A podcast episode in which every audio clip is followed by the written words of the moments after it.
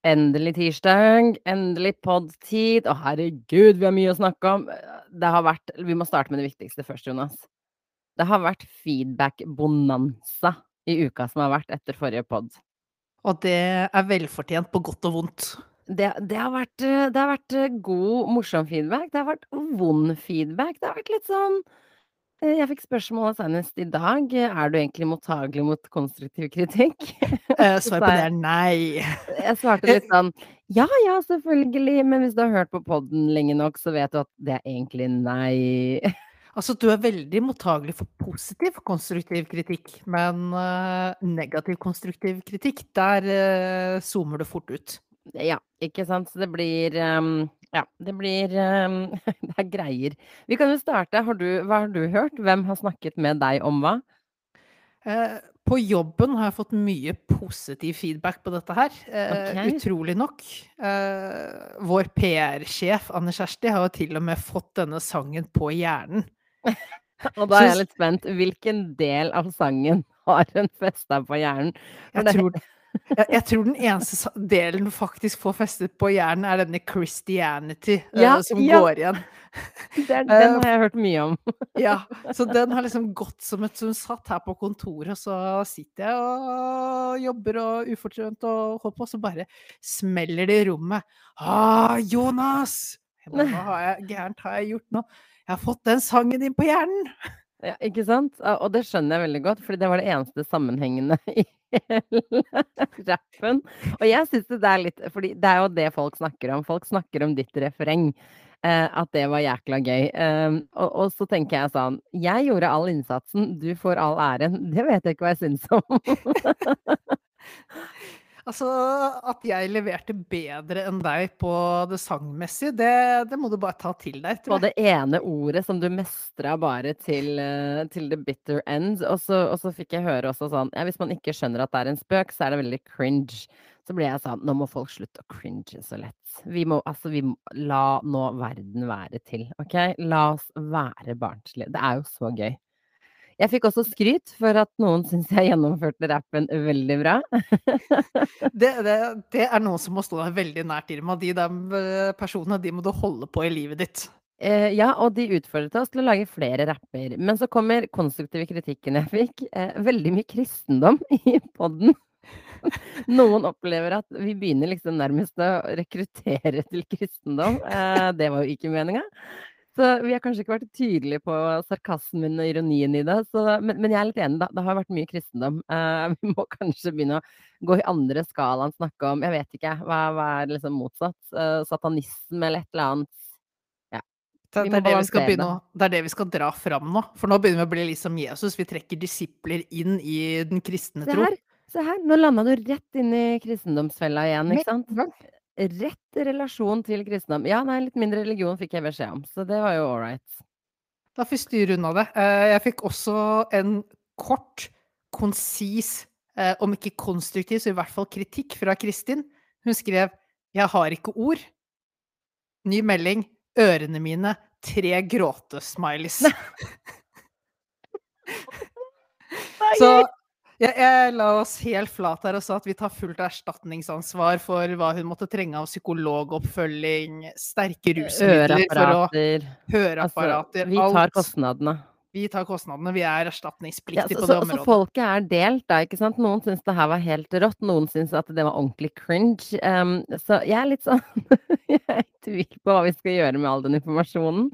Ronny, Ronny, fyrte jo opp under deg, for han sa at dette her kommer til å bli årets julehit med litt autotune. Og ta det ja. med ro, folkens. Litt var pakket inn i gode, tjukke hermetegn. Ja. Nei, vi, jeg føler at det siste ord er ikke sagt på rappinga. Vi har, eh, vi har mer potensial å dra ut der. Så, men eh, nok om det. Eh, vi har også fått eh, feedback på Formel 1. Det tar vi igjen, sånn som vi gjorde i forrige episode. Vi tar Formel 1 etter episoden som vanlig. For det også fikk vi feedback på det likte folk veldig godt av Formel 1-fansa. Så vi kjører et nachspiel, et Formel 1-nachspiel i dag òg? Vi kjører et nachspiel og en liten oppsummering og diskusjon rundt eh, helgens begivenheter angående nachspiel og festing her, Irma. Du, du har tatt en Jonas denne uka, du? Ja, å oh, gud a meg, altså det det var det jeg tenkte jeg skulle si. Altså, forrige uke er sånn, eh, etter korona kanskje den sjukeste sosiale uken jeg har hatt. Fire 4 av Åssen blir det? Ja, fire av sju dager, eh, var det ting som skjedde. Altså festligheter, for å kalle det det. Um, eh, jeg gikk jo hardt ut på første begivenhet. Um, jeg orker nesten ikke å snakke om det, men jeg må jo. Jeg har jo ikke noe valg. Altså, det er da en firmafest hvor jeg er En en firma en firmafest på en tirsdag, det høres ut som verdens dårligste idé. Ja, det det det er én ting, men altså, hør på det her. Jeg kommer til å angre på at jeg har snakket om det her i poden, men det må jo bare til. Vi må by deg på. Altså, på denne festen Det jeg gjør veldig sånn hjernen min oppfatter veldig raskt når, um, når når folk når folk blir ubekvemme av ting jeg snakker om. Og spesielt, eh, blir jeg veldig fyra opp under ja? Ja, for du blir fyret opp under, du legger merke til det, men det betyr ikke at du svinger unna temaet, det betyr bare at du gir mer gass.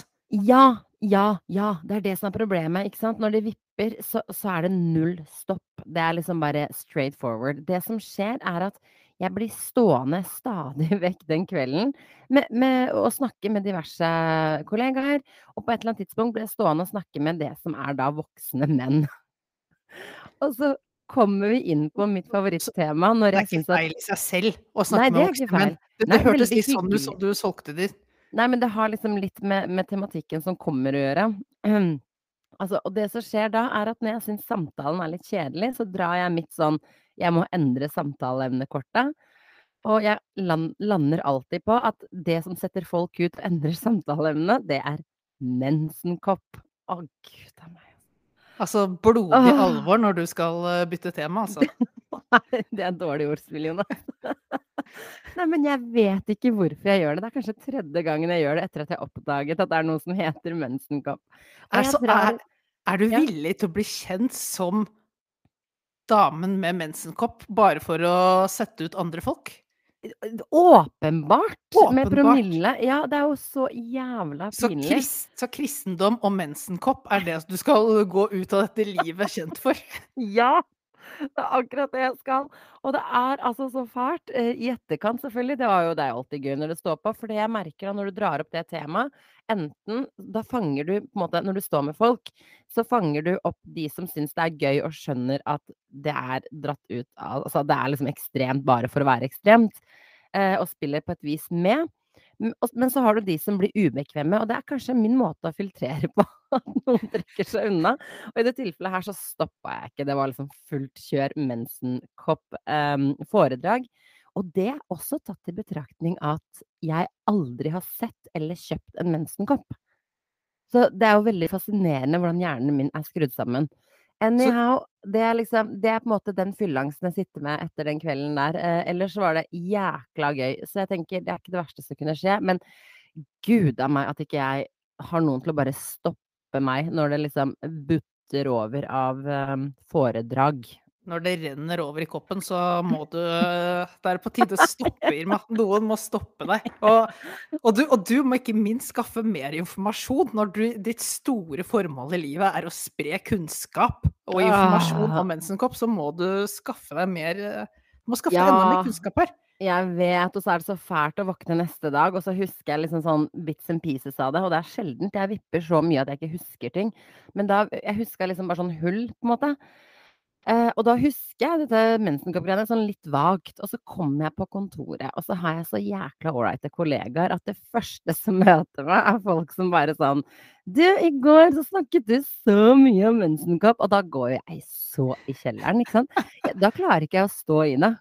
Da da må jeg bare da må jeg bare liksom da må jeg bare trekke meg rolig tilbake og bare love meg selv at jeg aldri skal drikke igjen. Og jeg skal i hvert fall ikke stå for noe underholdning på noen fest mer. Å, det er så vondt!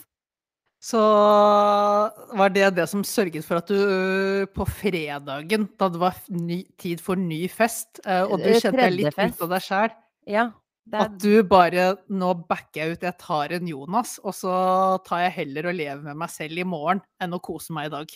Ja, men det er det som er Nå tok jeg for første gang i mitt liv en Jonas. Det er å ghoste så fort du kan, eh, fra en fest. Det er sånn Noen har sett at jeg er her, fint, nå ghoster jeg. Det er det du gjør, ikke sant?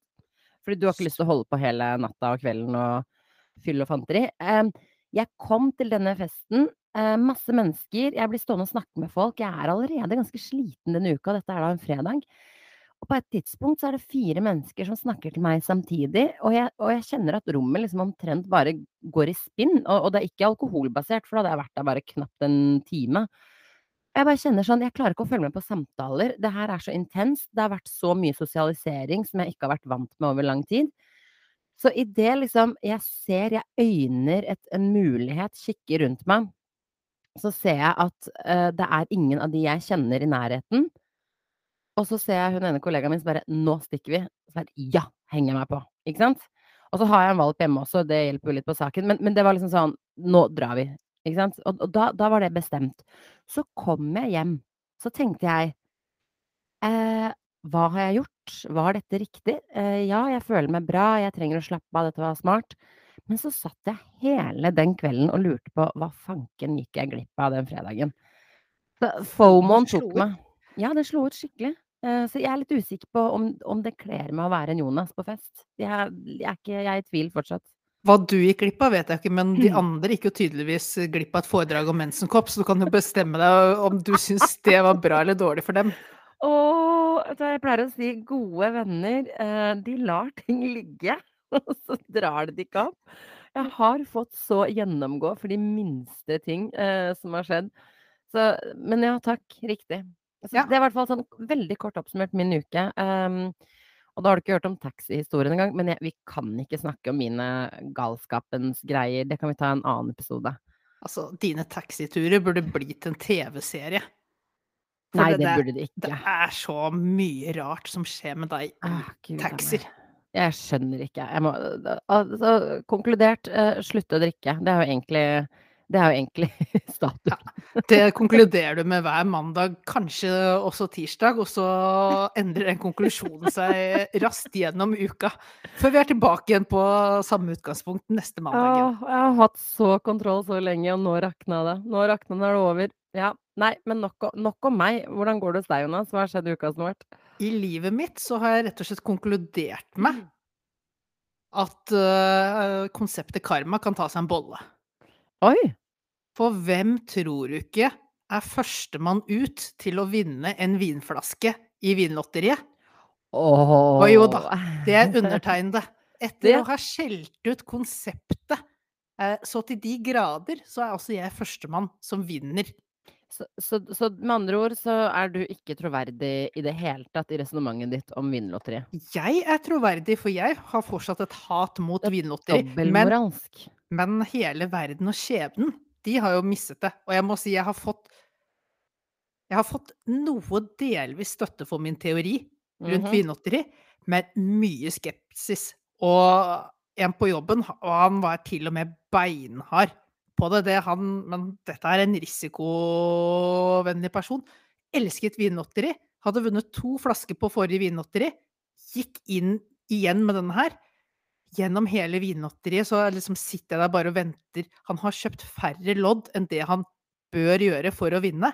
Og det går hele veien mot at han ikke vinner noe. Jeg bare tenker endelig så vinner matematikken. Nå skal jeg få satt han litt på plass. Tror du ikke den siste, mest eksklusive vinen, den vinner han pokker meg. ja, det er, det er, vondt når livet så, kjemper imot. Så karma har gitt og tatt uh, fra meg, men Som karma eh, gjerne gjør. Ja. Jeg ble en vinflaske rikere.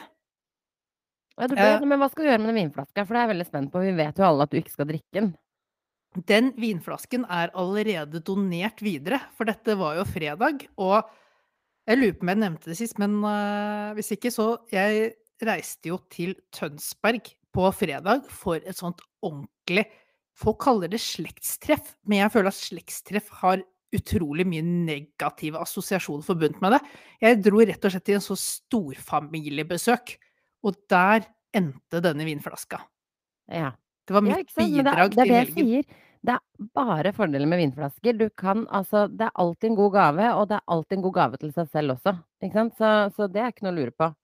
Jeg er litt skuffa over at ikke du donerte den videre til meg, som vet, nå som du vet at jeg har et massivt alkoholproblem. Eh, Men eh, jeg vet jo at uh, den er ikke velkommen på mandager og tirsdager, så i og med at jeg var borte i helgen hvor den var veldig velkommen, så orket jeg ikke å vente en hel uke på å bli kvitt den vinflaska. Nei, det er greit. Det er tillit. Så Jeg tror jeg er forsynt for resten av året for øvrig. Men denne helgen her, altså, for en helg. Vi var jo 17-18 stykker samlet under ett tak i Tønsberg. Det var fetter, Hvor kaos var det, Jonas? Det var foreldre, det var tanter, det var onkler, det var alt fra en liten unge på ett og et halvt år Mm. til min far som nylig har kjøpt sitt første honnør-årskort med Ruter. Han går for årskort til tross for eh, hva pandemien har gjort eh, med muligheten til å reise de siste året. Han står på sitt eh, nå med honnørbillett. Ja, men det skjønner jeg, for det er vel ganske mye billigere med honnør. Så da hadde kanskje jeg kjøpt årskort. ja, det spørs om eh, kanskje du skulle gått for honnørbillett med bilde av leveren din som eh, bevis på alderen. Ufint. Men liksom, du er sånn som liker den type greier. Jeg hadde syntes det var gøy i nøyaktig en time, og så hadde jeg kanskje vurdert å hoppe fra tiende etasje. Ja, og det, det, men det som er så herlighet, denne her familien, det er mye tålmodighet. Eh, Og det er mye kjærlighet, og folk er ordentlig glad i hverandre. Så vi har vært sånn tett I motsetning til alle andre familier. I, i motsetning til de fleste andre. Ja, men dere er glad i hverandre i små doser. Vi, eh, der dere må fram med sånn desilitermålet for å beregne liksom eh, hvor mye, hvor langt denne kjærligheten strekker seg, så kan du fylle opp et litermål. Eh, hos oss, så her, folk hadde kommet fra Bergen og Kristiansand og Lillehammer og Oslo for denne helgen. Dere er sånn lugn, balansert, liksom. Tekstbook-familie, dere. Ja, og Er ikke det litt deilig? Å ikke ha masse gærninger i familien? Det er, altså, vi, er, vi er kanskje en gjeng med gærninger alle sammen. Da. Vi bare Kanskje det er det som er greia? Ja, alle gærninggreiene bare går sånn hånd i hånd. Og vi hadde eh, Det er jo litt konkurranseinstinkt her også, så vi hadde jo en eh, I litt sånn Mesternes mester, Kompani Lauritzen og du vet liksom En eh, rekke oppgaver som vi skulle utføre i lag, da. La meg gjette sånn matematisk, eh, geografisk Eh, det er mest min side av familien som er på det matematiske. Det kommer fra min far, som er inngiftet inn i denne familien her. Okay, okay. Så det var ikke for mye av det. Mye bra oppgaver. Og så det får liksom beskjeden på første kvelden rundt middagsbordet, og så sitter vi der, og så er det sånn OK, men vi har tenkt å dele inn laget. Det er seniorlaget med de eldre, det er guttelaget, og det er jentelaget. Oi, oi, oi. Kjører, kjøre ordentlig konservativt. Ja, og så sier min onkel da at uh, Men for å gi uh, For å gi senioren et lite boost, så tenkte jeg at vi skulle ta en av gutta over på laget. Og tanken var Jonas, da, som er eldst, at han skulle over. Men ettersom min svoger hadde tatt så godt vare på de eldre, vært eh, fantastisk god på skjenking gjennom middagen, så fikk han plass på det laget istedenfor. Jeg beholdt laget mitt, eh, plassen min på Så seniorene var sånn, vi vil ikke ha den smarteste, vi vil ha den fulleste. Ja, der hadde jeg Altså, passa han som straka veien. kan skjenke. Du hadde gått rett inn på det Er det en sånn gjeng som hadde blitt ukomfortabel hvis jeg dro opp mensenkopp? Eh, Du hadde ikke Du hadde vært en annen puslespillbit enn det som tilhører det puslespillet. Det kan man vel si. Altså det er, det, jeg bare hører liksom måten du forteller på, og, du, og det har vært fantastisk helg. Dere var 17 mennesker under et tak og hadde hyggelig med liksom familiespill og sånn. Og så tenker jeg på min egen uke, så tenker jeg og du, vi glemmer jo hvor forskjellige vi er innimellom. Gjør det. Men, men det som var herlig er da Men det er fortsatt litt du skal bli tatt litt sånn vennlig også i min familie. Så eh, da dette her ble offisielt, da, så døpte jo fort laget mitt seg til Dream Team og Jonas. Eh, så vi hadde sånn her det var ordentlig sånn ikke inn. konkurranse. Inn med hendene, de andre og Dream Team! Og så fikk jeg komme og Jonas! Det høres ut som sånne dad jokes dere holdt på med hele 17 stykker. Hele veien. Men eh, Dream Team pluss Jonas stakk av med seieren. Ja, nei, jeg hadde ikke forventa noe mindre av deg. Noe annet ville vært veldig skuffende, Jonas. Så gratulerer og er stolt av deg. Tusen takk. Tusen hjertelig takk. Jeg hører at det var hard konkurranse med, med fulle seniorer og, og jenter. Det er jo ingen konkurranse, så da er det jo greit. Hva sa du nå, Irma? Du hørte hva jeg sa ironisk. Det er jo kjipt når jeg må si at jeg er sarkastisk. Altså, det Altså, jeg føler ikke at sarkasme kom gjennom akkurat i det du sa det, så jeg tror det klippet der tror jeg. Det klippet der skal jeg bare klippe ut, og så kan jeg ha det sånn derre Som en liten uh, Bare spar det på telefonen, så hver gang du uh, kjører en av disse feminist-rantene dine, skal jeg bare avslutte med å trykke på den. Å, det er så mye du kan ta med på, Jonas. Det der er bare en brøkdel av det. Åh, ja, så Men- det var våre liv, ja. Ja, det gikk veldig bra gjennom helgen. Jeg hadde et sånt tidspunkt der hvor jeg bare jeg tenkte ok, det er veldig bra at onkelen min er en fantastisk kokk, for dette her går så smooth. Men hvis vi hadde endt opp med en matforgiftning, 17 stykker, to toaletter, én matforgiftning Satt Da du og tenkte dette- på det? Satt Du du, må- tenkte på det? Du vet at jeg har worst case scenarioer rullende Satt du i i et hodet mitt. med alle og hadde det hyggelig, og så satt du og tenkte takk og lov at onkel er god kokk, så ikke vi alle blir matforgifta. Ja. Det er jo sjukt. Men altså, da verdsetter jeg hans egenskaper på en helt annen måte enn det du ville gjort. Men spise kebab fra hjørnet, det gjør du uten bekymring. Når har du sett meg spise kebab fra hjørnet? Nei, det var et eksempel, da, men noe fra hjørnet spiser du. Noe fra Det hjørnet. shabby sushi-greia du holdt på med, det er du ikke redd for. Men, onkel, men takk og lov at onkel er god på kjøkkenet. Jeg har jo et én-til-én-forhold mellom mennesker i min leilighet og toalett, og da tenker jeg da er det ikke så farlig hva utfallet blir. Det er når du spiller en 2 til 18, 2 til 17 ratio, da er du i trøbbel. Det er jo da historien her hadde blitt veldig gøy. Da Da hadde å hadde det blitt artig. Da, Utfordring til onkel neste runde. Kjør litt prank. Nei, men det har jo skjedd mye mer i verden enn bare oss to, Jonas. Utrolig nok. Ehm, Det har vært klimakonferanse i Glasgow, bare for å, bare for å hoppe og skifte tema. Um, alle har hoppet i sine privatfly for å rekke fram i tide. Yes, alle privatflyene har landet og, og dratt hjem etter hvert også. Eh, samtidig så har de voksne sittet ved bordet og diskutert hvordan de har tenkt å gjøre absolutt ingenting. Eh, men de har pakka det inn i pene fraser og, og sløyfer og litt glitter på, og sånn at det høres litt sånn spennende ut. Vår egen statsminister Jonas Gahr Støre var ute og sa Så sjukt. Det, nesten, det er nesten så, du, nesten så du tror det er en prank. Han var ute og sa oljefondet skal sponse det grønne skiftet. Så, så, så, så der satt de voksne inne og skravla om det. På utsiden satt denne 15-16 år gamle Greta, eller hvor gammel hun er blitt, eh, og hoia og skreik at eh, dere er dritt. Og sånn går verden videre. Eh, Vi skal alle dø av klimakatastrofer. Sånn er det bare blitt. Jeg ser ikke lys i tunnelen med det som foregår. Det er vel akkurat det du gjør. Du ser eh, et lys i enden av tunnelen. Det er det der lyset fra oven, apropos hva vi snakker litt for mye om. Nei, nå må du slutte med kristendom. Det er noe satanisme. Det er du, du som bringer det inn.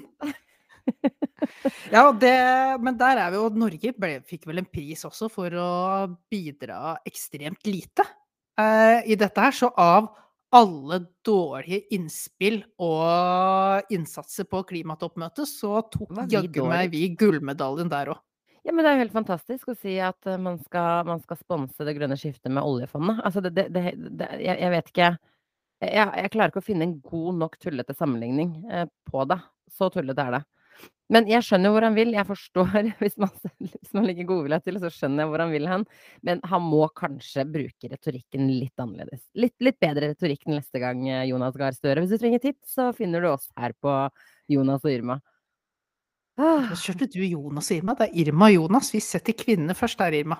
det, det er sant. Ja, du, det feministiske genet ditt er fullstendig skrudd av i dag. Jeg tror det bader i en sånn pøl av eh, alkohol på innsiden av kroppen din fortsatt. Nei, jeg er helt ferdig med forrige uke. Helt ferdig. Nyrensa, ny, ny person. Ny person. Der kom den igjen. Vet du hvem som ikke er helrenset og en ny person? Nei. Det er en amerikaner som bare går under fornavnet Dylan. Han Ønsker Fornavnet Dylan. Hva? Dylan. Dylan? Dylan, ja. Om du ønsker å kjøre den norske, eventuelt nederlandske versjonen. Jeg hørte bare Dylan. Dylan. Dylan. Ja. Han ønsker ikke etternavn eller bilde på trykk, tydeligvis. Oi, hva er det han skammer seg for, tenker jeg. Ja, det bør være livsstilen hans. Å ja, for jeg tenker hvis jeg kan stå framme med mensenkopphistorien, så kan jo han stå i hva som helst.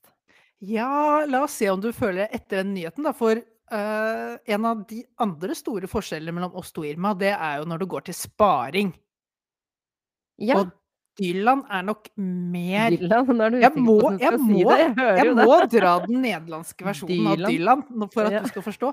Uh, han heller nok mere over i min retning, om ikke vi skal si at han har tippet godt forbi meg også. Oi, så han er en eh, spa sparemann. Han har hatt en veldig spesiell eh, sparemetode i sju år. Ja, Han, fortell. han kom nemlig over et sesongkort på fornøyelsesparken eh, Six Flags i California. Ja. Eh, og det tenker man, er det virkelig penger å spare på å kjøpe årskort i en fornøyelsespark?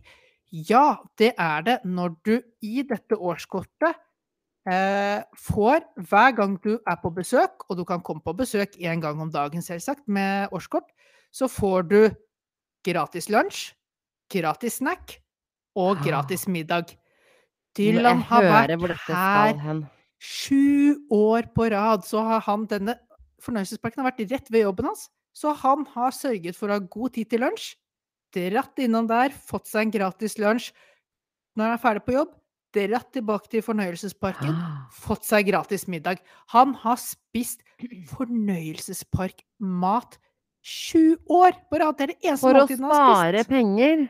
Han er så fornøyd med at han har betalt ned hele studielånet på dette her. Og nå som han har giftet seg og bosatt seg i området, så ser han ingen grunn til at ikke denne galskapen kan fortsette. Med kona. Med kona. Han sa eh, det var først da de begynte å inkludere gratis dessert-snack, at det begynte virkelig å gå utover vekta.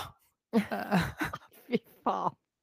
Man er fornøyd så lenge de fortsetter å oppdatere mat... eh, De, de restaurantene tar og oppdaterer menyen med ujevne mellomrom.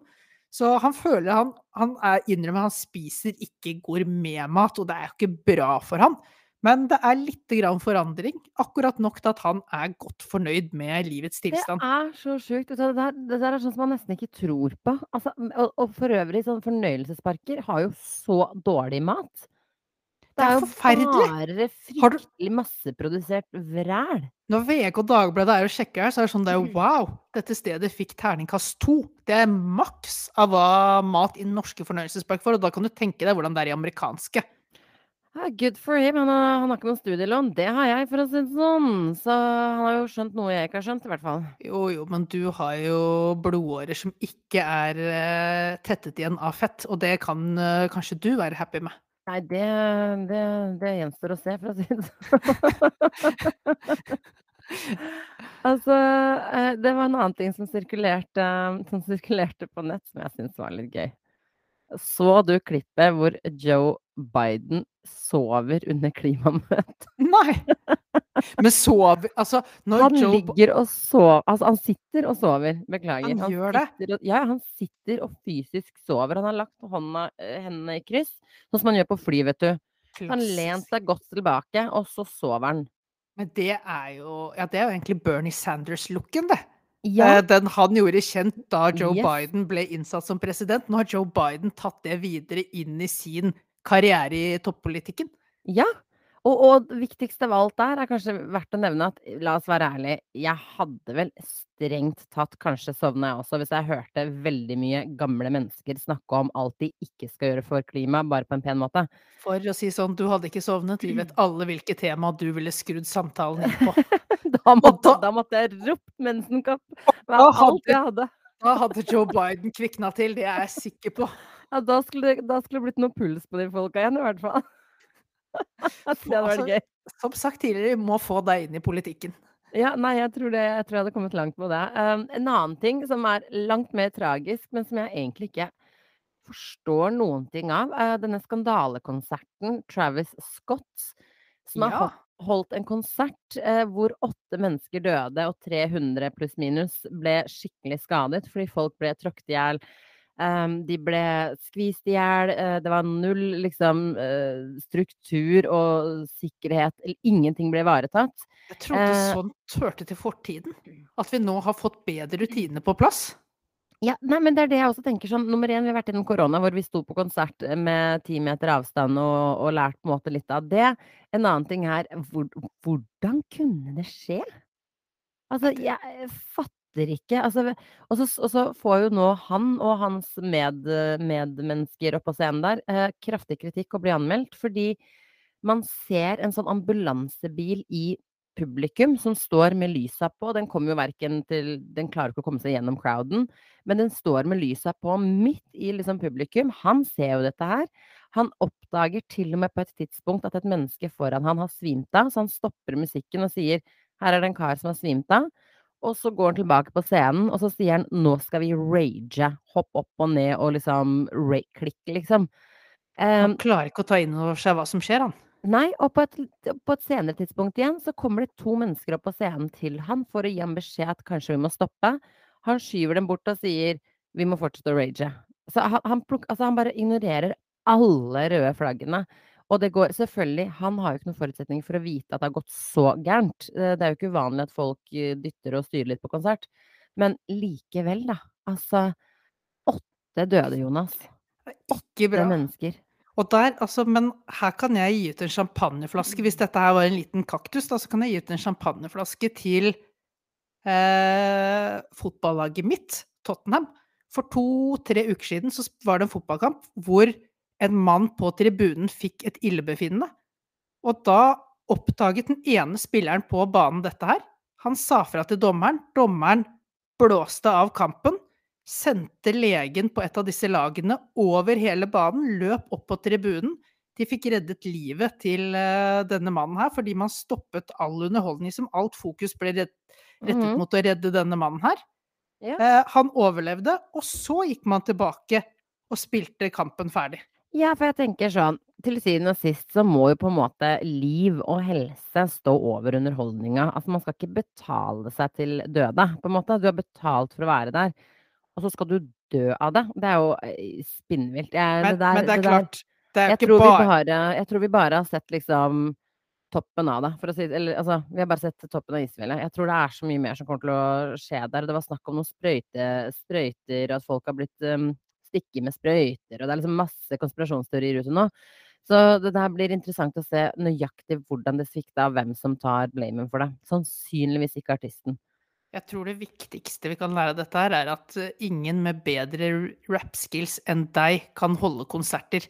For da, hvis vi holder på det nivået der, så blir det ikke så mange tilskuere, og Altså, da ingen ble blir det ikke så farlig. Vi hadde bare Kristin som fikk øresus. det var det ingen som ble skadet av vår rapp. Hun er den eneste som har meldt inn skaden, i hvert fall. Så sånn sett så er jo vi eh, med vår Godt fremføring er godt, godt i rute. Svinnprosenten er lavere enn ellers i bransjen.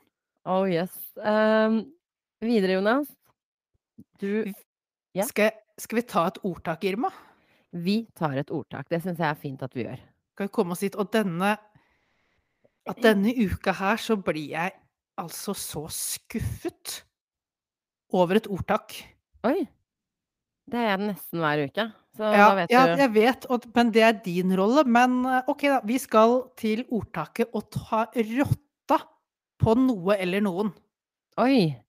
Ja, vi vet jo hva det betyr. Det er å liksom på et eller annet vis uh, verbalt eller fysisk uh, knuse noen på et vis. Ja, en, Ja. Uh, en pen, pen fremføring av akkurat hva det er. Eh, Mener du Altså, betyr det egentlig at man skal liksom ta livet av noen? Ja, jeg tror noen sier sånn 'ta rotta på', som i at nå skal vi vinne over de, eller vi skal Altså, du har jo det innen idrett, men så har du det også liksom i gangsterlivet og sånt. Vi skal ta rotta på den. Vi skal uh, Kanskje, kanskje jeg har kommet litt videre i innerste kretser av eh, Gangster-Norge. Jeg er ikke helt sikker på om 'ta rotta på noen'. Jeg tror kanskje sånn knerte noen og sånt uh, har overtatt, men Jeg tror eh, jeg og du er dårlige kilder til å virkelig vite hva dette her betyr, for det er vel sjeldent vi benytter disse ordtakene. Uh, Men ja, ta rotta. Du skal, du skal ta noen. Uh, Det er Ja. det det betyr. Men ta rotta Sier man ta rotta på noen? ja, ta rotta på noen. Ja, rotta på. Eh, I gamle dager så var det sikkert sånn at man putta en rotte på mennesker og lot den rotta ta livet av dem. På noe vis.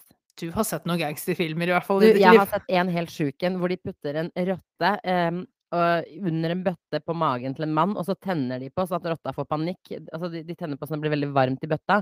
Så det rotta gjør, at den begynner å grave seg gjennom magen. Det er helt, det er helt grusomt. Det er det eneste liksom, eksempelet jeg har på rotter og død. Og da tenkte du fy fanken, de der tok virkelig rotta på den. Eller så henger det på greip med svartedauden. Hvor man mistenker Ah. at, at rotter førte etter svartedauden øh, videre. Eh, Det kan jo være en greie, at det henger på greip med at de førte pest videre. Så Eh, man har tatt rotta på dem ved å innføre en pest, en sykdom. Ja, du skal liksom ta livet av dem, for det er det rotter gjør med pest. Ja. Men så sa du, du innholdnings, inn, innholdningsvis, skal vi se, um, så sa jo du i stad at, um, at du var skuffa, så sannsynligvis så henger ingenting på greip her. Nei, altså Det er bare, det er bare så trist løsning på det hele, syns jeg, Irma. Jeg syns det er ordentlig trist for Tristere enn bøtte på mage. Ja! Det, for det er, så tri, det er så trist for alle parter involvert. Både de som har brukt 'ta rotta på' som et ordtak og ikke forstått hva de egentlig har ment med det, og ikke minst de som blir eh, implisert da, Mm. i det hele. Og ta rotta på, da skal vi faktisk ned i underlivet, Irma. Altså, det skal tydeligvis være en omformulering, eller liksom et bilde. Vi er i samme familietematikk som mensenkoppen, eller? Ja, vi sk det er kvinnelige kjønnsorgan. Så, Ja vel. og det tenker jeg, det er jo ikke Men nå må, nå må du, nå må du fortelle hvordan det henger sammen. Det, Nei, det, det står bare det at eh, det er eh, For mange har liksom trodd at det har noe med kattens lek med rotta, da. Liksom rotta at har blitt Mm. tatt rotta på av katt. Katten har liksom tatt rotta på rotta.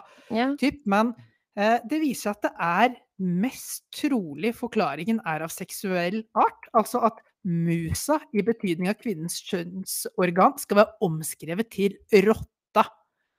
Og da, det betyr det egentlig at hvis du sier at du skal ta rotta på noen, betyr det at du skal voldta de? Altså, er dette et Er det det de metoo- mener? Er dette et metoo-begrep? Forstår du hvorfor Men jeg er så skuffet det- over dette? ja, men selv det henger jo ikke på greip. Hvis vi later som kvinnelig kjønnsorgan er rotta, da, som er Ja. det sjukeste jeg har hørt i mitt liv. Nå kommer feministen inn. Um, men la oss late som det blir liksom omtalt som rotta. Du skal ta rotta på noen. Eh, hvis du skal ha det i direkte oversettelse, så skal du sette musa på noen. altså, jeg vet ikke. Jeg skjønner ikke. Jeg skjønner Altså, Altså- rent fysisk så forstår jeg ikke hvordan det henger sammen. Er det en seksuell erobring å ta rotta på noen? Er det det som er meningen her? Altså, jeg forstår det ikke. Nei, det er stryk. Det er så- eh, vond stryk. det er vondt. Må, vi må slutte å si 'ta rotta på'. Vi må Kan vi ikke lene oss på Vi lener oss på det at eh, mus Nei, katter tar mus, derav tar rotta på musa, ikke sant? Ja, du vil ikke bare kaste ut 'ta rotta på' av hele det norske Jo, språk? egentlig. Er vi ikke litt ferdig med det? Jeg tror vi er ferdig med det. Altså, Det er vel kanskje bare virkelig gangstermiljøene som fortsatt benytter seg av det. Ja, de får knertefolk istedenfor. Ja, det er faktisk litt enklere for oss å forholde oss til hvis de skal knerte noen enn å ta rotta på noen i dette Ja. tilfellet.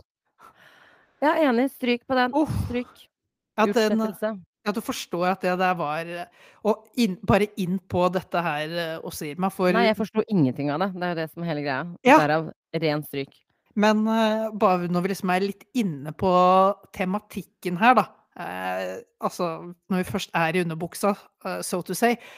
Jeg fikk jo en uh, For vi har jo, vi har spilt inn en del episoder nå. Uh, og når noen f.eks. på en ny jobb, da, som jeg har hatt nå et halvt år, når noen av de oppdager det, så er det slik at enten så hopper de inn der vi er nå, eller så skal de begynne å lytte fra starten av. Oi, oi, oi. Ikke, ikke lytt fra start av.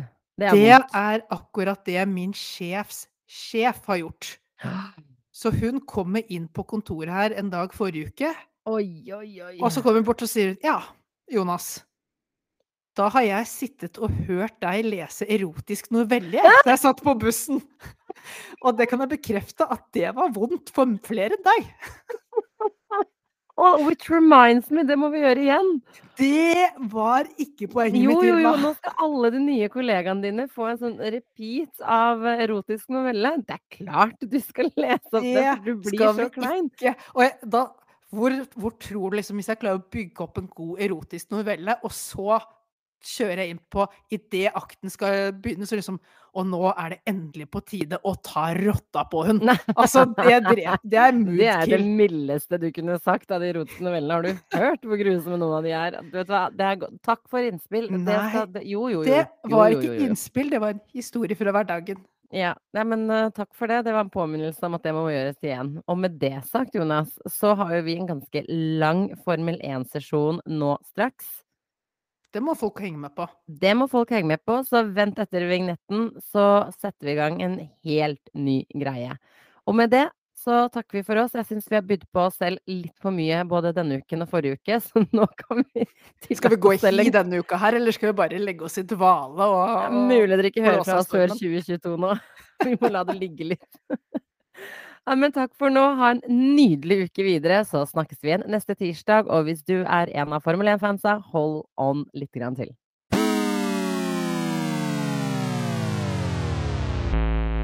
Endelig kan vi snakke om det vi egentlig vil snakke om. Har fått unna formalitetene, la oss snakke Formel 1. Ja, ja, smalltalken er over. Nå gjelder det. Eh, løp i helgen, eh, Jonas. Det er mye å ta tak i. Um, Mexico! For en stemning! Å, fy! Jeg fikk så lyst å dra til Mexico. Jeg er bare sånn wow, for en fest. Og for en Altså, banen i seg selv var jo ikke den mest spektakulære med tanke på forbikjøringsmulighet og sånt, men du har bare lagt den inn i en gammel baseballarena, så du får hele den derre muren av en tribune fra baseballarena, hvor de kjører inn der den var tidligere. Nei, det var, eh, det var lagd for publikumsstemning. Ja, ja, ja. Og vi, vi kan jo starte først med um, Ronny, som har gitt feedback.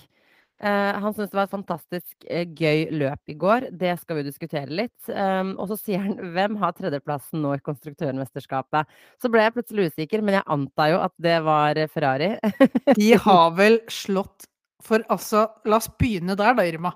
Ferrari har jo gått litt sånn som toget nå. Leverer stabilt. Absolutt ingenting å skryte av, men ingenting å grine av heller. Og nå får du Ronny på nakken igjen, ikke sant? Nå Men- blir det dårlig stemning. Ja, men det Men, men de har har jo vært litt anonyme i år. De har jo vært anonyme. De har jo ligget rundt sånn 50.-70.-20.-plass. Ja. ja, ja, ja. Mens Enig. McLaren har jo gått De har svingt så voldsomt. Altså, ditt ja lag Det var jo så høyt oppe her. Ricardio-seieren. Eh, nesten for Lando Norris. Å, Og nå- Lando Norris bytter eh, motor. Ricardio får en god start, men krasjer inn i Bottas i første Ja, sving. ja. Det skjer absolutt ingenting. Vet De har hva, jeg gått fra McLaren topp til bunn. har Jeg syns de gutta Jeg synes de har vært tålmodige. Jeg syns de har hatt så mye random issues. Uh, så, bare sånn eh, merkelige ting som har skjedd underveis. Men i, til gjengjeld, de må skjerpe seg litt. De må holde et mer stabilt uh, sideleie. De må holde mer stabilitet i løpene sine. Men Ronny skriver også at han vil arrestere oss eh, på noe. Det er også mye show på de fleste andre banene, eksempelvis Monza, hvor han har vært. Det er jo skryt, eh, skrytsnik. Det er. Ferrari-land. Ja. Er det, der er det alltid overflying eh, av frekk, frekk, frekke tricolori og show på start, mål, langsiden før race. Det er mulig nå at han refererer til at vi har sagt at det ikke er så mye show. Eh, jeg må innrømme å si ja da, jeg har sett at det skjer ting på andre baner også. Enig med deg, Ronny. Men de siste to rundene nå, med liksom Texas og nå Mexico, det er jo go big or go home. Det er jo veldig voldsomt. Det er veldig voldsomt. Og er, du har sånn som spa også, da, hvor det sto en haug med tilskuere ute i regnet hele ettermiddagen og fikk servert verdens tristeste løp, og likevel så sto det der. Så det er jo ekte passion. Det er bare det amerikanske og det meksikanske. De bare spiller på Alle Alt- strengene. alle strengene, og alt vi liksom bare assosierer med det. Det blir en klisjé som bare er pyntet så voldsomt at det er litt herlig likevel. Til tross for at det er klisjé. Yes. Men tilbake til løpet. Kvalifiseringa. Altså, jeg er kanskje ikke helt enig med Ronny. Jeg syns helgens løp og kvalifisering var til viss grad Det var litt kjedelig. Det var liksom et par momenter hvor det var sånn hjerte i halsen. Men utover det så gikk det egentlig sin gang. Um, jeg syns jo kvalifiseringa uh, Rått at Mercedes For jeg har blitt veldig, veldig Team Hamilton nå. Jo lenger vi kommer ut ut i sesong, jo mer er jeg Team Hamilton hvis jeg skal velge mellom han og Forstappen. Jo mindre han ser ut til å vinne, jo mer heier du på han. Det er veldig ulikt deg innenfor idrett. Jeg vet. Vanligvis så heier jeg Jeg er medgangssupporter, men akkurat nå så er jeg litt sånn Han er så underdog nå, og jeg, jeg, han fortjener å ta den rekorden her nå. Uh, og så er jeg kanskje ikke så fan av Forstappen, det har vi snakket om. Men det var jo fascinerende å se hvor utrolig raske Red Bull-bilene var. Eh, og så likevel i kvalifiseringa så klarer altså da Mercedes å ta uh, førsteplass Ja. og andreplass. Og det var jo altså, Litt sånn var- motsatt av forrige helg, egentlig, hvor man trodde at Mercedes var, eh, Mm. virket sterkest i starten, og så var det plutselig Red Bull som slo til på selve kvalifiseringen. Yes. Så jeg ble jo, fikk et lite håp der. Tenkte ok, nå har Mercedes knekt en kode, de har skjønt et eller annet.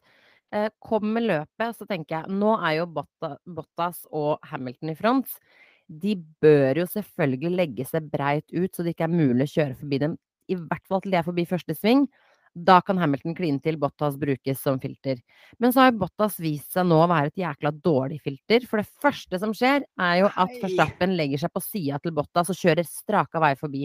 Men han, de legger seg to i bredden. Han må jo ut i tredje spor ytteren, men han klarer ja, bare få Ja, men det skulle jo vært mye bredere, Jonas. Kan, han kan ikke kjøre forbi de første tre sekundene. Men er ikke, Det det, er ikke det Hamilton sin jobb, da? For Hamilton kommer fra andre sporet og legger seg sånn sett. Det er han som kommer opp på siden av Botta, som starter som nummer én. Så det er vel hans jobb å legge seg bredt. Kanskje kan du si at Botta skulle holdt litt mer Men Ut til venstre? Men Bottas har jo verdens, potensiell verdensmester rett bak seg. Han må jo være årvåken.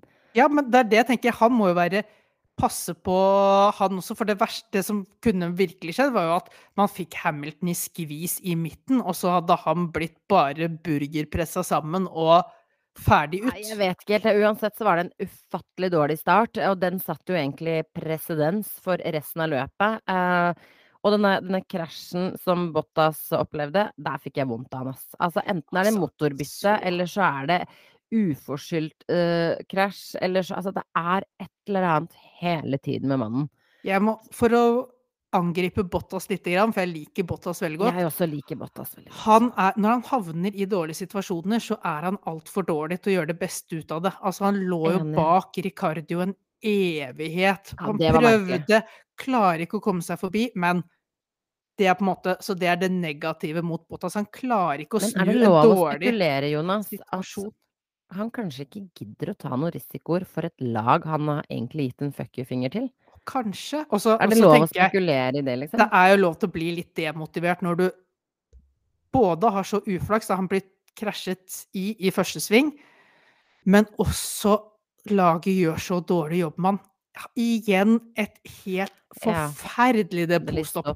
Ja. Vi husker i Monaco så fikk man ikke av hjula, han måtte bryte. Han har hatt flere dårlige pitstop. Hamilton har nesten Aldri. bare gode pitstop, men i Bottas det tok hva var det, 7-89 sekunder på det pitstoppet. Han var i ferd med eh, endelig å kunne passere Ricardio, kanskje, og så bare nei, langt bak Ja, igjen. det er derfor jeg sier konspirasjonsteorien min er at han gir en fuck you til laget. Laget driver og gir en fuck you til han i alle anledninger de får. For det er nesten så man ikke tror det, hvor dårlig samspill det er. Uh, han er en fryktelig dårlig teammate for Hamilton, det har han vært en stund nå. I form av at han ikke har klart å forsvare posisjonene bak ham. Både uh, og, vil jeg si, Irma. For her vil jeg det er, på en måte, det er to ting jeg vil trekke fram fra dette løpet her hva gjelder fronten. Nummer én, det er litt artig å se at Red Bull feiler med akkurat den samme taktikken som Mercedes feilet med i Det tenkte USA. jeg også på. Det tenkte jeg også på, for det her har irritert vettet av meg at Mercedes stadig har sendt folk inn for seint til depotet for å skifte dekk. Og nå gjør Red Bull det med Peres. Det som skjedde her, var jo at de presset egentlig Mercedes til å ta inn Hamilton ganske tidlig.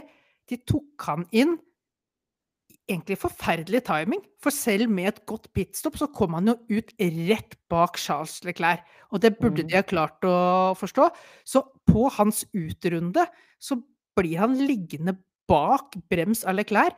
Vi ser av grafikken at Perez kjører såpass mye raskere at med et godt pitstop så er det helt 50-50 hvem av de som kommer ut. Yes. Istedenfor så holder de Perez oppe der i 10-15 runder. De kjører et lengre første satser på bedre dekk på slutten, akkurat som Hamilton gjorde mot Og har gått på en smell hver gang han har prøvd på det Og der. har gått på, og det skjedde her også. Peres klarer å ta igjen uh, Hamilton med ti runder. Han har, er jo egentlig aldri supernær å passere. Nei, men det er Han klarer det ikke. Altså, man kan jo si Alle snakket om at han skal ta den igjen. Det er fine at han kan ta den igjen, men det, det er en helt annen ting å kjøre forbi syv ganger verdensmester også. han han kunne dratt han etter seg ganske mange runder, uansett hvor mye raskere han var. Eh, men at ikke Altså, det er jo et eller annet som skjer i Mercedes. De har jo fullstendig tapt seg eh, i form av strategi. Det syns jeg har vært forferdelig. For de Eh, var ikke gode nå heller, selv om de kom ut Nei, Man nei. kan jo si at de vant denne duellen, for dette ble jo Altså, Verstappen var så mye bedre, det var ingenting å gjøre med han. Det handlet om å redde posisjonen til Hamilton mot Perez. Man kan si man vant, men i mitt hode så kunne de ha tapt det, hadde Red Bull vært på. Eh, De misset, de fikk ut bot Nei, de fikk ut Hamilton rett bak Leclerc. De skulle prøvd å pushe han til å kjøre litt raskere én eller to Mm. runder til, så han kom ut foran denne Ferrarien. Et kjempesjansespill. De hadde jo to ting de hadde flaks med. Nummer én var at eh, Red Bull ikke tok inn Mm, Perez. Nummer to var at Leclerc faktisk gikk inn i pit samme runde. Yes. Hvis ikke så kunne de risikert enda en runde, kanskje. Ja. Der eh, Men det er det jeg mener, de har tapt seg fullstendig på strategi. Det er, det er som om hele garasjen har sovna litt, liksom. Altså sånn, man sitter som seer og er litt sånn eh, forrige, forrige uke så tenkte jeg sånn, eller forrige løp, så tenkte jeg sånn Herregud, ta han inn! Ta han inn! Ja. Nå har jo, nå har jo Verstappen vært inne allerede. Altså, altså du bare skjønner at han må inn. Og så sitter disse, jeg liker å kalle det Excel-folka der og studerer tallene sine, mens de, Ikke bank løs på oss Excel-folk, Irma. Ikke bank løs på oss. Mens de gjør det, så havner jo ikke sant, han bak både to og tre og åtte og ti runder. Det samme skjedde med Perez. De ble litt cocky, hele Red Bull-teamet, fordi jeg tror de trodde at de var enda kjappere enn det de var. De så til Verstappen og så hvor langt foran han lå. Eh, jeg var egentlig litt sånn Jeg lurte på om ikke det hadde vært smart å ta inn eh, Hamilton enda litt tidligere, satt jeg og tenkte på. Fordi i det sekundet Ham nei, Verstappen var foran han, så så man at sekundene raste mellom de. Altså, Mm. det ble så Han kjørte fra han så raskt, og der tenkte jeg Skal dere sitte og se på dette her, eller skal dere prøve å gjøre tiltak, sånn som for eksempel få ny dekk på den med en gang? Men det var liksom Det, det er bare akkurat som liksom lufta har gått ut av litt- Mercedes. De ga litt opp. De ga opp Verstappen tidligere. Men det andre poenget mitt Irma, var at Mercedes, til tross for at de havna så på hælene her i dette løpet, de reddet egentlig dagen, føler jeg. Nummer én, de klarte å holde Hamilton foran Perez. Hamilton klarte å holde seg selv foran Perez. Utrolig viktig. Det andre tingen som var ganske viktig, har ikke like mye å si, men eh, de måtte prøve hardt, men Bottas klarte å rappe den raskeste runden fra Ja! Verstappen. Det var det- deilig. Og det var, for der var Verstappen på sitt verste, for her tar de altså inn Bottas. Han ligger langt bak, han kan ikke ta poeng noe som helst. Kjører han inn i pit, putter på softdekk ut for å ta raskeste runde, så klarer han å havne noen sekunder bak Verstappen. Egentlig med god nok luke til å sette Mm. ny raskest tid. Han kjører beste første sektor, beste andre sektor. Så bremser Verstappen. Altså Verstappen taper Ja, to-tre sekunder til Hamilton her. Så han bremser, gjør at Bottas må roe ned på slutten eh, av runden, ødelegger besterunden. Så bruker da Bottas slipstreamen ut på start-måleren sin til å passere Verstappen. OK, han har fri bane, nå tar han beste runden her. Da går Verstappen på radioen og skriker hei, hei, hei, dette er en fyr som er en runde bak Yes. meg. Her passerer han meg og hindrer meg. Dette her Sånn skal vi ikke drive racing. Og? Ja, da, da får han det er barnslig, da får, han da får Bottas beskjed OK, du må slippe forbi Verstappen din, ikke gjør noe krøll. Ny runde ødelagt. De må inn, bytte inn på nye Mhm. softdekk, og da har han bare én sjanse igjen. Da står de lenge nok og vinner. Og det var på håret. Ass. var og på så håret. klarer han det. Men der viser jo Bottas storhet igjen, og det er det, det jeg elsker med Walter Bottas, da er eh, Ta første svingen som et eksempel. Du er i pole position, og så er det noen som krasjer inn bak deg. De fleste ville skreke på radioen What the fuck just happened? Mhm. Why the shit did he do Oi, it? Etter Jonas, at Ja, det men de ville jo skjelt ut alt. Hva gjør Walter Bottas? Bare I was hit in the back. Ja, og så tar han en superrask U-sving og kjører I videre. to, I, I was forced to spin. Ja, Og så bare skjer Det er det han melder på radio, Og jeg syns den spinn den spinnen hans fikk for lite oppmerksomhet. Det var så rått å gjøre. Du står der, det så ut som bilen sto i brann et sekund, for det var så mye røyk. Og så bare tar han den den kule svingen og bare gønner på igjen. Men Ingen ga han oppmerksomhet for det. Der har du Bottas igjen, liksom, på slutten. Han beholder Men roen. finnene okay. er jo så kalde, ikke sant. Du Ja, ser jo Kimi også. Det er jo bare Verstappen er så barnslig. Bottas nekter å gå ned på det nivået. Bare OK, om du vil spille på den måten, greit, jeg stikker inn i pitstop en gang til. Holder meg unna deg, la meg gjøre min greie. Kjører akkurat som mm. man trenger å gjøre i siste runden. Napper det ene poenget fra Forstappen. Ja, ja, ja. Nei, men jeg tror eh, altså Bottas er en fantastisk teamplayer, men men han hadde aldri klart å bli et individ i det teamet der. Han Nei, han har nok ikke stor nok personlighet til å lede det beste laget i Formel 1, og det er litt synd, for det hadde vært Jeg helt nydelig tror om en mann som Bottas ble verdensmester. Enig. Jeg tror hvis de hadde gitt Bottas litt mer, så tror jeg han kunne gjort det. Jeg har fullstendig tro på at han kunne vært uh, en verdensmester. Uh, Vil du, ha, vil du ha siste poeng fra meg, Irma, i toppkampen i sammendraget? ja, Nå har jeg sittet i Excel, gjort mine beregninger. har du det? Det, det som er greia, Irma, det er jo mye som kan skje. Men Hamilton kan egentlig bare styre én ting helt selv, og det er om han slår Verstappen eller ikke. Ja. Nå har vi kommet der at hvis Det er fire løp igjen. Mm, Hvis Max Verstappen vinner minst ett av de løpene, mm. så holder ikke at Hamilton vinner de tre andre og Bottas blir nummer to. Da har ikke Hamilton det lenger i sine egne hender. Alt kan selvsagt skje. Mange kan slå Førstappen. han kan krasje ut på et løp, så det er ikke over om Førstappen vinner et løp til. Men hvis Førstappen vinner minst ett løp til denne sesongen, så er det ut av Hamiltons hender. Da holder ikke at han vinner resten. Da må han ha noen hjelp fra noen Ja. andre. Hamilton er 100% avhengig nå av at dette her går hans vei. Altså, han Han har så små marginer nå. Han må vinne fire strake. Gjør han det, så vet han at han klarer det. Hvis ikke, ikke, så trenger han hjelp fra andre. Yes, og jeg tror de siste løpene nå, det kommer til å spisse seg så hardt til. Eh, konstruktørmesterskapet mellom Red Bull og um, Mercedes. Det er, jeg tror det er ett og et halvt poeng som skiller dem, eller ett ja, poeng er det. Hadde det ikke vært for at Bottas stjal det poenget tilbake, så hadde de ligget helt identiske konstruktørmesterskapet. Eh, Hamilton ligger da noe bak Verstappen, men langt ifra avgjort. Så nå er det liksom Det, det er aldri brent så på dass som det gjør nå i nyere tid, eh, mellom to brands og to førere. Jeg tror de siste fire løpene kommer til å bli høyrisikoløp for de på toppen der. Eh, jeg tror de er villige, og de har jo sagt det, Totto har vært ute og sagt at han er villig til å, å, å krasje inn i Verstappen for å ødelegge mesterskapet for ham.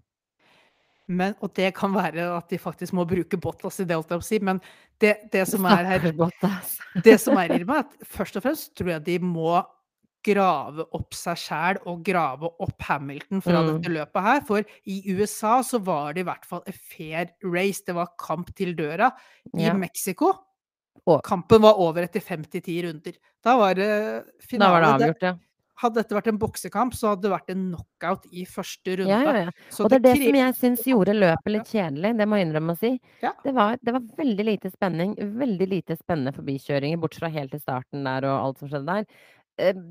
Det var liksom Forstappen lå så godt an allerede helt fra start at det var sånn OK, greit. Og så begynte det liksom å bli litt spennende med Perez Hamilton på slutten, men det var ikke spennende nok. Så jeg satt liksom Jeg tok meg selv at liksom Dette her var ikke et spennende løp. Uh, de Det var ikke- egentlig det var et drag race til første sving, og etter det så var det litt sånn Ja, ja, det det, var begrenset med underholdning. Ja, det var det, og til og med, liksom, til og med dekkbyttene uh, skapte ikke noe spenning, fordi det var så langt mellom alle. Alle liksom bare lå i sin fil og liksom kjørte i sin greie. Det var liksom noen få som var litt bortpå hverandre. That's it. Så jeg savner, eh, jeg savner et sånn hæla i taket-race. Altså litt sånn altså, de, De Vi må ta kan, mer ikke få det, risikoer. vi kan jo ikke få det hver uke, men dette her var litt dårlig. En, en sistemann vi må Vi er ikke faktisk enige med deg, Ronny. Nei. vi, vi må nevne en siste mann her også, Irma. Rett og slett bare fordi jeg tror nesten ingen nevnte Jeg den vet fyren. du skal si. Pierre Gasly. Oh, ja, nei. Nei, nummer fire i løpet. Det er en fantastisk prestasjon i den bilen han sitter i. Mhm. Ingen la merke til at han eksisterte ute på den Men banen han er så kjedelig. Altså, Han lå i et ingenmannsland. Ingenting skjedde. Ingenting skjedde. Han står aleine. Han må ha lurt på et eller annet tidspunkt sånn, har det skjedd noe med de andre? Er det noe Didn't I get the memo? Har alle gått inn? Er vi Ja. ferdige, liksom? Så det, det er en av de mest uh, minst omdiskuterte fantastiske prestasjonene som har skjedd i hele Formel 1-sesongen det i år. Han hadde fortjent en ekstra klapp, uh, klapp, men jeg tror at han eh, Han fikk en god start, og det hjalp han hele veien, fordi alle andre bare surra. Ja. Eh, men en annen mann jeg vil dra frem, som kanskje er det største høydepunktet i hele løpet, eh, og på søndag, det er pappa Peres. Pappa Altså, Perez, ah, for en nydelig. På hjemmebane i Mexico. På hjemmebane med publikummet på fra liksom home motherland, eh, med en sønn riktignok på tredjeplass, men det har jo ikke noe å si. Det er første gangen en meksikaner står på eh, topp tre-plass i Mexico. Altså, publikum gikk bananas. Pappa Perez mista seg sjæl. Det var stolthet, det var hoiing, det var patriotisme, det var Altså, han visste ikke hva han skulle gjøre av seg, og det syns jeg var hele topphøydere på løpet. For det var gøy å se. For plutselig var det sånn ordentlige følelser i, i, i Formel 1 igjen. Jeg syns jo liksom disse gutta vinner litt, noen kommer første, andre, tredjeplass. Liksom, de på toppen er jo vant til å stå på der. Eh, de er fornøyde, de takker, de smiler, de liksom oh, gøy. Og, og det er det liksom hvert, eneste løp. Men her var det brutale følelser som løp rundt. En skikkelig bamsepappa som delte Ja. bamseklemmer i ettertid. Det, var, det blir jo ikke bedre enn Det det. var så mye kjærlighet, og det var så hyggelig. Og jeg tror Peres fortsatt eh, lever på en høydære, og han har fått til noe ingen andre før han har fått til i hans hjemmeland. Så det var jo fantastisk gøy. Eh, Så Mexico leverte uten tvil. Nå neste gang er det jo Brasil. Der tror jeg, hvis jeg skal gjette, at det blir en skikkelig, skikkelig fest. De elsker jo sin eh, Elsker jo sin Formel 1. Det er vel ikke helt samme stemning som da Rubens Barrichello var helt på topp, men eh, jeg tror det blir eh, Jeg tror det blir bra. Vet vi noe om banen i Brasil? Har vi noe liksom inside info på det? Jeg skulle Da måtte jeg vært enda mer inn i dette her. Men eh, en ganske velkjent bane, vel. Hvis ikke det har gjort mye forandringer. Jeg har vært i sirkuset lenge, så eh, Det blir spennende å se. Det er Hamilton må opp og vinne. Han må gå inn som om dette her er fire finaler på rad, hvor han er nødt til å vinne alle fire. Gjør han det, så blir han verdensmester. Hvis ikke han gjør det, så trenger han hjelp fra andre. Ja. Men det, da, takk for statistikken. Det er fint om du holder oss løpende oppdatert på det, for det er jo veldig interessant, faktisk, av de Det Excel-tingene du gjør. Excel-arket skal gå varmt i ukene framover.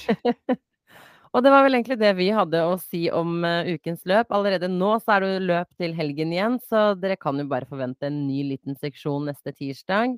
Eh, Ronny og co. og alle andre interesserte, send innspill, tanker, diskusjoner. Vær enig, uenig. Det er veldig, veldig gøy. Og igjen, takk for denne uken. Eh, Vi ses igjen neste tirsdag.